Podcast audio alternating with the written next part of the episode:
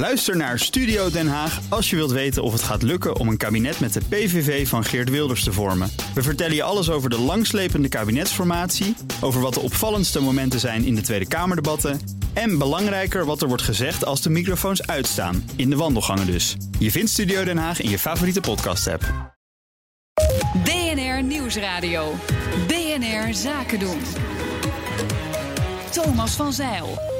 Hoe lang kom je op voor een topman die in de gevangenis zit? Wat moet de boardroom met politieke onzekerheid, zoals Brexit? En welke leiderschapstijl heb je nodig als commissaris? Dat en meer in het boardroom panel. Vandaag bestaande uit Harmjan de Kluiver, advocaat bij de Brouw Blackstone. Westbroek, hoogleraar ondernemingsrecht aan de Universiteit van Amsterdam. En verbonden aan de vereniging Effecten Uitgevende Ondernemingen. Altijd blij als het min of meer goed gegaan is. Sjoerd Vollebrecht, president-commissaris bij bouwbedrijf Heijmans. En non-executive director bij Mylen. En mijn zakenpartner van vandaag, Inge Brakman, commissaris bij onder andere DSM, Shell en Accenture. Verbonden aan het Rode Kruis ook. Welkom. We gaan het hebben over de topman van Renault. Dat is Carlos Ghosn. Die zit al een tijdje in de gevangenis. De bewijzen stapelen zich op. En Renault heeft altijd gezegd hij is onschuldig tot het tegendeel bewezen is. Maar inmiddels wordt er toch ook gesproken over hoe die man eventueel te vervangen. Harmjan, zijn ze daar op tijd mee, te laat mee? Hebben ze goed gehandeld? Nou ja, het is, het, er staat niet een soort vaste rulebook voor. Hè. Ehm, eh, je moet eigenlijk gewoon beginnen bij waar je altijd begint met dit soort beslissingen. Wat is in het beste belang van de onderneming? Uh, rekening houden met de belangen van alle betrokkenen. En uh, zolang je denkt, deze meneer is heel waardevol voor de onderneming, ja, dan ben je echt terughoudend natuurlijk om in te grijpen. Ja.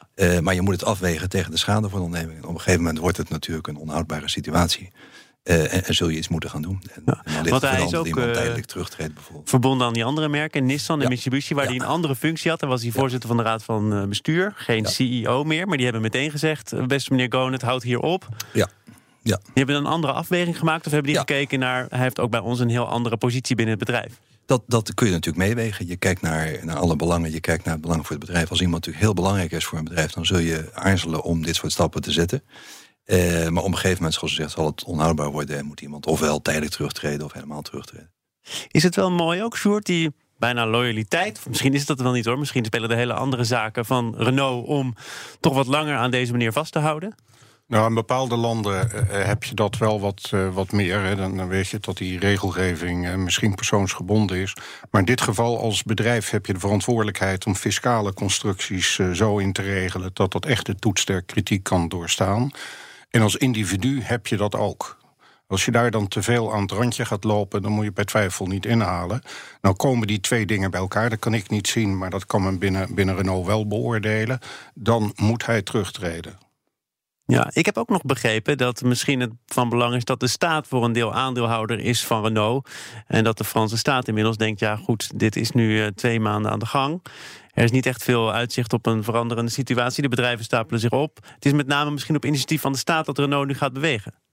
Ja, dat zou zomaar kunnen. Dat is natuurlijk het lastige in te schatten, omdat de staat in Frankrijk op heel veel fronten nog zoveel um, invloed heeft. En daar ook zijn eigen politieke afwegingen maakt. Maar ik denk dat je. Um, wij zouden in Nederland veel sneller kijken. Belang van het bedrijf. Niet te veel gesodemieter. Oppassen voor imagoschade. Dus uh, iemand terugtrekken op welke manier dan ook. En daarna ga je wel kijken hoe je dat afhandelt. En of het terecht is geweest of niet. Maar als het zoveel reuring geeft in een bedrijf, dan is het gewoon slecht voor het bedrijf. Ook als je pas achteraf kunt concluderen of dat nou terecht is of niet. Want dat, dat is ook wel lelijk als je achteraf moet concluderen: we hebben deze man laten vallen. En er blijkt achteraf niet zoveel aan de hand. Ja, maar er, is, er zijn behoorlijk wat signalen, die, die Sjoerd net al noemde, die echt de verkeerde kant op gaan. Ik moest denken aan Gatti. Dat vond ik een hele interessante voor Nederland. Het concertgebouw, binnen een week eigenlijk ontslagen. Dat je wel het gevoel hebt van, nou, was dat nou niet erg snel? En hij is in Rome weer aan de slag gekomen. MeToo-discussie overigens wel echt een andere zaak. MeToo, andere zaak, MeToo-discussie, maar een hele snelle ingreep ja. van het Concertgebouworkest. Maar is, gisteren heeft de Jan Raas die heeft daar een verklaring voor gegeven in NRC. Ik denk van ja, ze hebben er wel goed over nagedacht. Ze waren toch al maanden bezig met hem in gesprek te zijn. En hebben op het moment dat het naar buiten kwam ook voor imagoschade, maar toch ook om je positie te bepalen, heel snel ingegrepen. Ik denk dat wij in Nederland sneller ingrijpen dan in Frankrijk. Nou ja, maar goed, interessant is er inderdaad, want uh, dat viel mij ook op. Die beste meneer die vindt binnen no time een baan bij een zeer gerenommeerd orkest. Ja.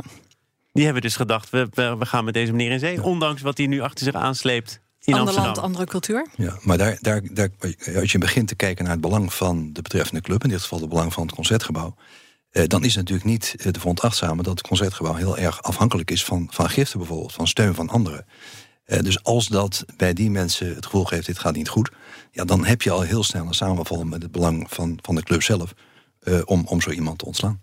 Sjoerd, nog even terug naar wat deze meneer Goon heeft betekend voor Renault. En voor die andere merken eigenlijk ook. Dat is ontzettend veel. Hij heeft die merken echt veel goeds gebracht. Die laten ontzettend goede cijfers zien.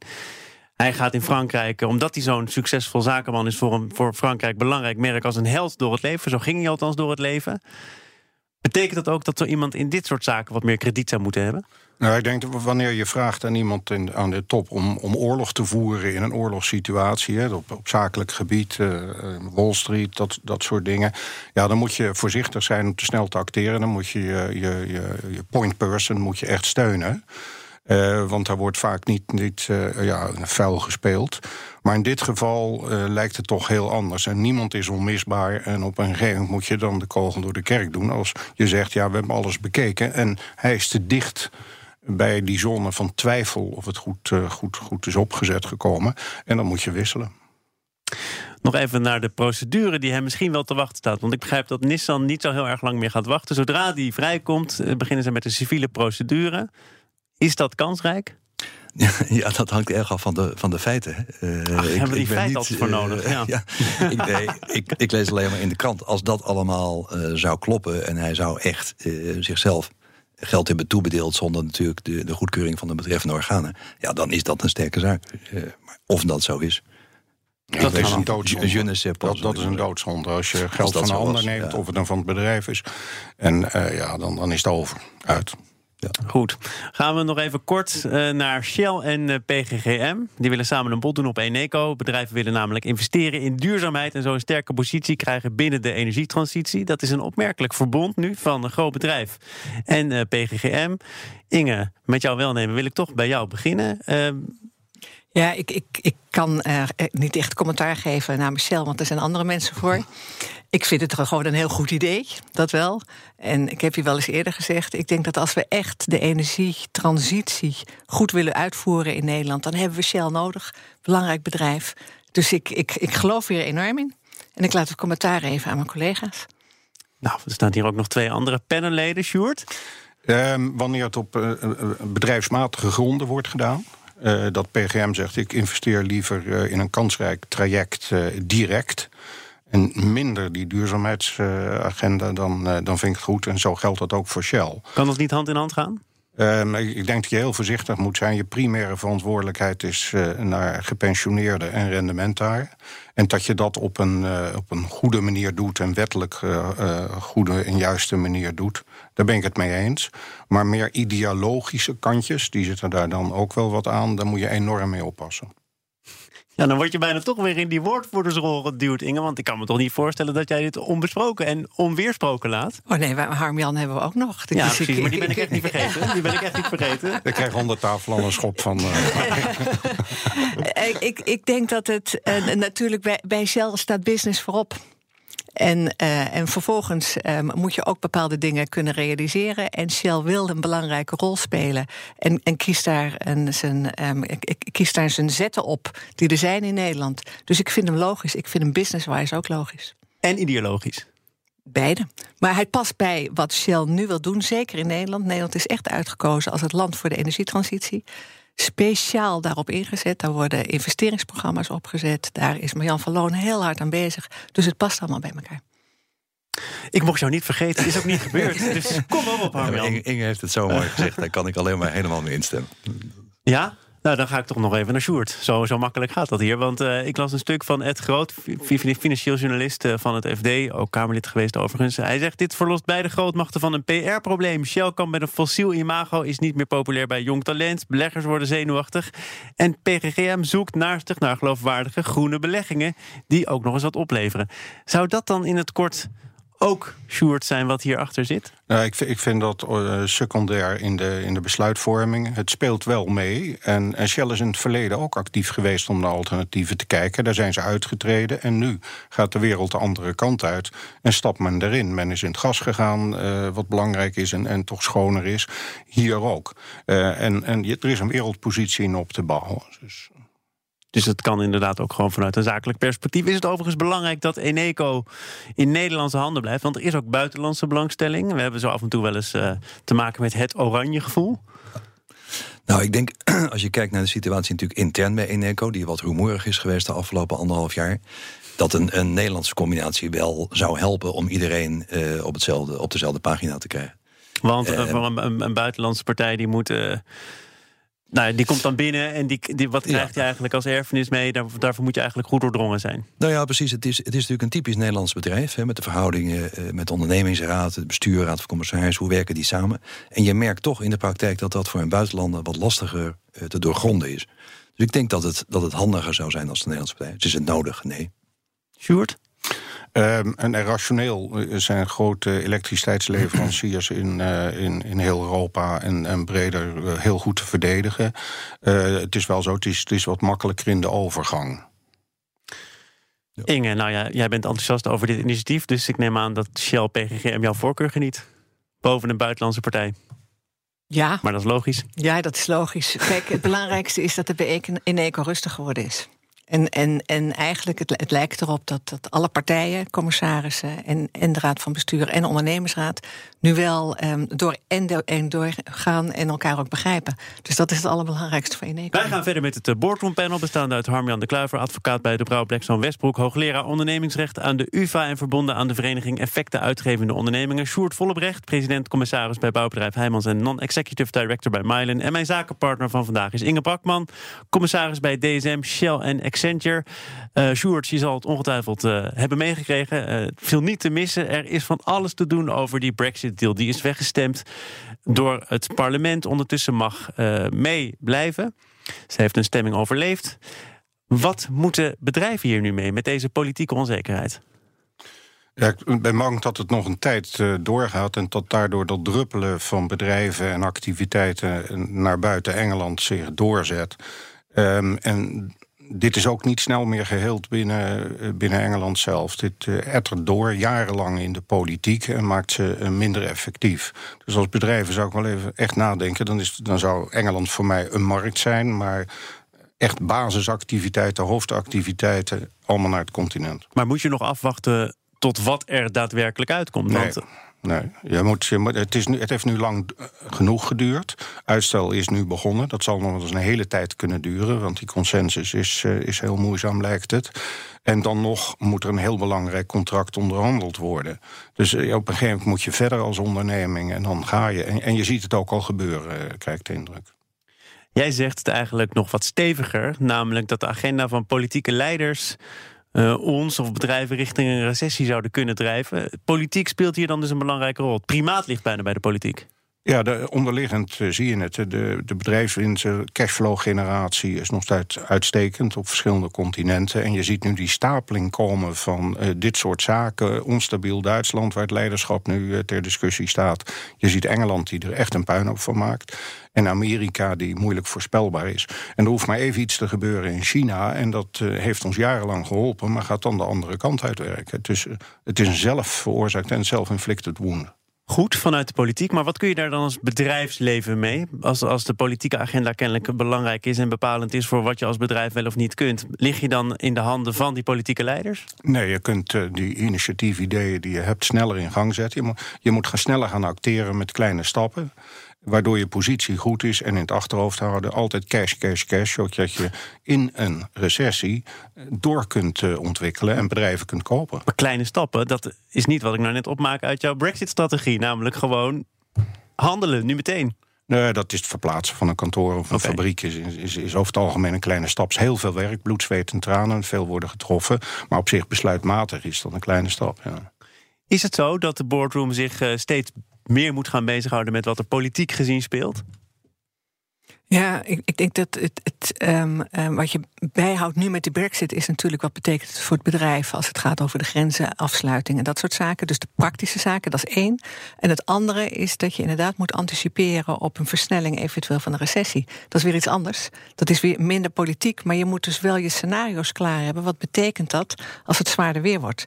En uh, je ziet wel degelijk, dat, ik denk dat die analyse van Sjoerd heel scherp is... dat um, op alle fronten uh, de, de, de politiek um, uh, het laat afweten voor de stabiliteit. En dat dat echt tot gevolg heeft dat het slechter gaat. Kan gaan. We gaan, Harmjan, naar een ander laatste onderwerp. Namelijk de hertoetsing van bankbestuurders. Daar zou meer duidelijkheid over moeten komen. Dat is ook een wens van de politiek, ook met name van CDA-Kamerlid Erik Ronnes. Waarom is er op dit moment zoveel onduidelijkheid over die hertoetsing van bankiers? Ja. Nou, er is eigenlijk niet zo heel veel onduidelijkheid uh, over. Um, als het gaat om mensen in de financiële sector, dan moeten die getoetst worden. Dat doet DNB, soms doet ook de AFM overigens mee uh, daaraan. Uh, dat, dat, dat gaat gebeuren bij het aantreden van zo iemand. En kan ook gebeuren als er zaken tussendoor voorvallen die daartoe aanleiding geven. Uh, wat, nu, wat nu in de Kamer wordt gezegd is... ja, je moet eigenlijk in, in vaste omstandigheden... of aangegeven omstandigheden... moet je opnieuw gaan hertoetsen. He, bijvoorbeeld zo'n zo'n boete als bij ING... Uh, dan zegt men, ja, dan moet je daar per se opnieuw een hertoetsing tegenaan gooien. Ehm, het zou heel goed kunnen dat, dat DNB dat al doet. de vraag is wat je ermee wint. En ik ben wel erg bang dat de politiek de volgende vertrouwenskloof zit, zit te creëren... Uh, want met de roep om een hertoetsing, uh, daar hoort natuurlijk bij dat iemand dan weggaat. Maar het kan heel goed zo zijn dat er wordt uh, gehertoetst, of her wordt getoetst, dat is een lastig woord. en dat mensen constateren, wat heel goed bij Ralf Hamer zou kunnen hebben gebeurd, gebeurd kunnen zijn, dat DNB stelt, nou, er is inderdaad niks aan die man te verwijten. En dan zegt de politiek natuurlijk vervolgens, ja, maar wacht even, wij vroegen niet alleen om een hertoetsing, die man moet ook weg. dus je, je, je creëert een cascade van, van, van nieuw gedoe uh, daarover. En ik denk dat het veel beter is om het aan, aan, aan DNB te houden. Uiteindelijk tendeert dit dan naar een beslissing van de Kamer om iemand te ontslaan. He, dat zal dan. Ja, dit is overigens wel hoe jij dat zou je niet moeten, dat een dat hertoetsing per definitie volgens politici in de Tweede Kamer zou moeten leiden tot een vertrek. Ja, maar je zou ook kunnen zeggen, het draagvlak voor meneer Hamers neemt iets toe als na onderzoek hertoetsing is gebleken dat hij niet echt iets verwijtbaars heeft gedaan. Wat overigens door nee. uh, ING zelf ook al is getoetst door Stibbe, geloof ik. Ja, zeker. zeker. Ja, ik zou erg bang zijn voor de, voor de andere reactie, eerlijk gezegd. Ja, ik denk dat dat ook nog niet zoveel gaat helpen. Ik, ik vind dat de politiek um, echt hier buiten moet blijven. Je hebt een toezichthouder. We hebben meerdere externe toezichthouders. Zitten bekwame mensen. Als die niet bekwaam zijn, moet je een andere zetten. En die hebben een beleid en die mogen toetsen en ze mogen hertoetsen. En daar hebben ze een discretionaire bevoegdheid in. Dus laat het aan hen. En ze hebben zich ook heel duidelijk uitgesproken dat zij dat echt nagaan. Dat zij mensen getoetst hebben, hergetoetst hebben. Dan zeggen ze hoeveel mensen het over gaat. En daar moeten wij dat mee kunnen doen. Sommige dingen die zijn zo persoonlijk ook. En die raken ook echt aan de positie van zo'n bank als je dat allemaal op straat gooit. Ik denk dat wij, um, um, ik ben zelf ook een externe toezichthouder geweest. Je hebt daar mensen neergezet, vertrouw ze. En de politiek kan dan niet elke keer, want op het moment dat ze zouden weten dat er hergetoetst wordt, dan gaan ze daar weer een mening over hebben of het wel of niet goed gedaan ja. is. Blijft er buiten. Nou ja, ik denk namelijk dat uh, de man op de straat, waar je niet per se naar hoeft te luisteren, maar die zal denken: God, er is daarbij ingeven van alles aan de hand. Er is een enorme schikking getrokken. Als dit nou niet een duidelijke situatie is waarin het misschien logisch is dat iemand wordt hertoetst, wat dan wel? Ja, maar het, het, probleem is dat die man op de, op de straat, uh, door dat sentiment, het sentiment wat gevoed wordt, uh, ook zal denken: ja, maar dan moet die man eigenlijk weg. Dat is nu al een beetje wat, je, wat je proeft. En dan is zo'n hertoetsing dus niet voldoende. En je creëert daarmee de volgende, de volgende kloof eigenlijk tussen, tussen politiek en, en, en de financiële sector. en ik ben met Inge eens: bedoel, kies nou je, je toezichthouders en heb daar vertrouwen in. En laat het daar. Ja, je hebt tip een bank, hè? ING, die probeert echt in de vaart de volkeren overeind te blijven, ook in het Europese krachtenveld. En is in die zin het meest ondernemend uh, in Nederland.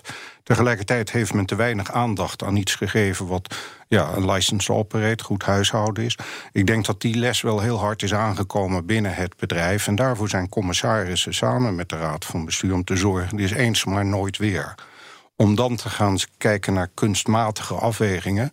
Ik denk dat Ralf Hamers zelf zegt: ja, eh, hier is het fout gegaan. Hier heb ik schijnbaar onvoldoende naar kunnen kijken, om wat voor een reden dan ook. Dit overkomt me nooit meer. Nou, zo'n scherpte heb ik liever dan dat we over mannetjes en met tweets en dergelijke dit soort afrekeningen. Maar dan moet hij eerst zelf de fout maken en inzien dat het de volgende keer niet meer zo kan. Hij had er moeten voorkomen. Hij is niet levensbedreigend geweest voor de onderneming. Er zit ook nog een heleboel andere mensen omheen die dat ook moeten doen. En met ondernemen gaan er soms dingen fout. En je gaat om enorme geldstromen En als je maar even voelt, hé, hey, daar zit een gat in een bank, dan komen die geldstromen naar je toe. En dat is toch ook een stukje overkomen.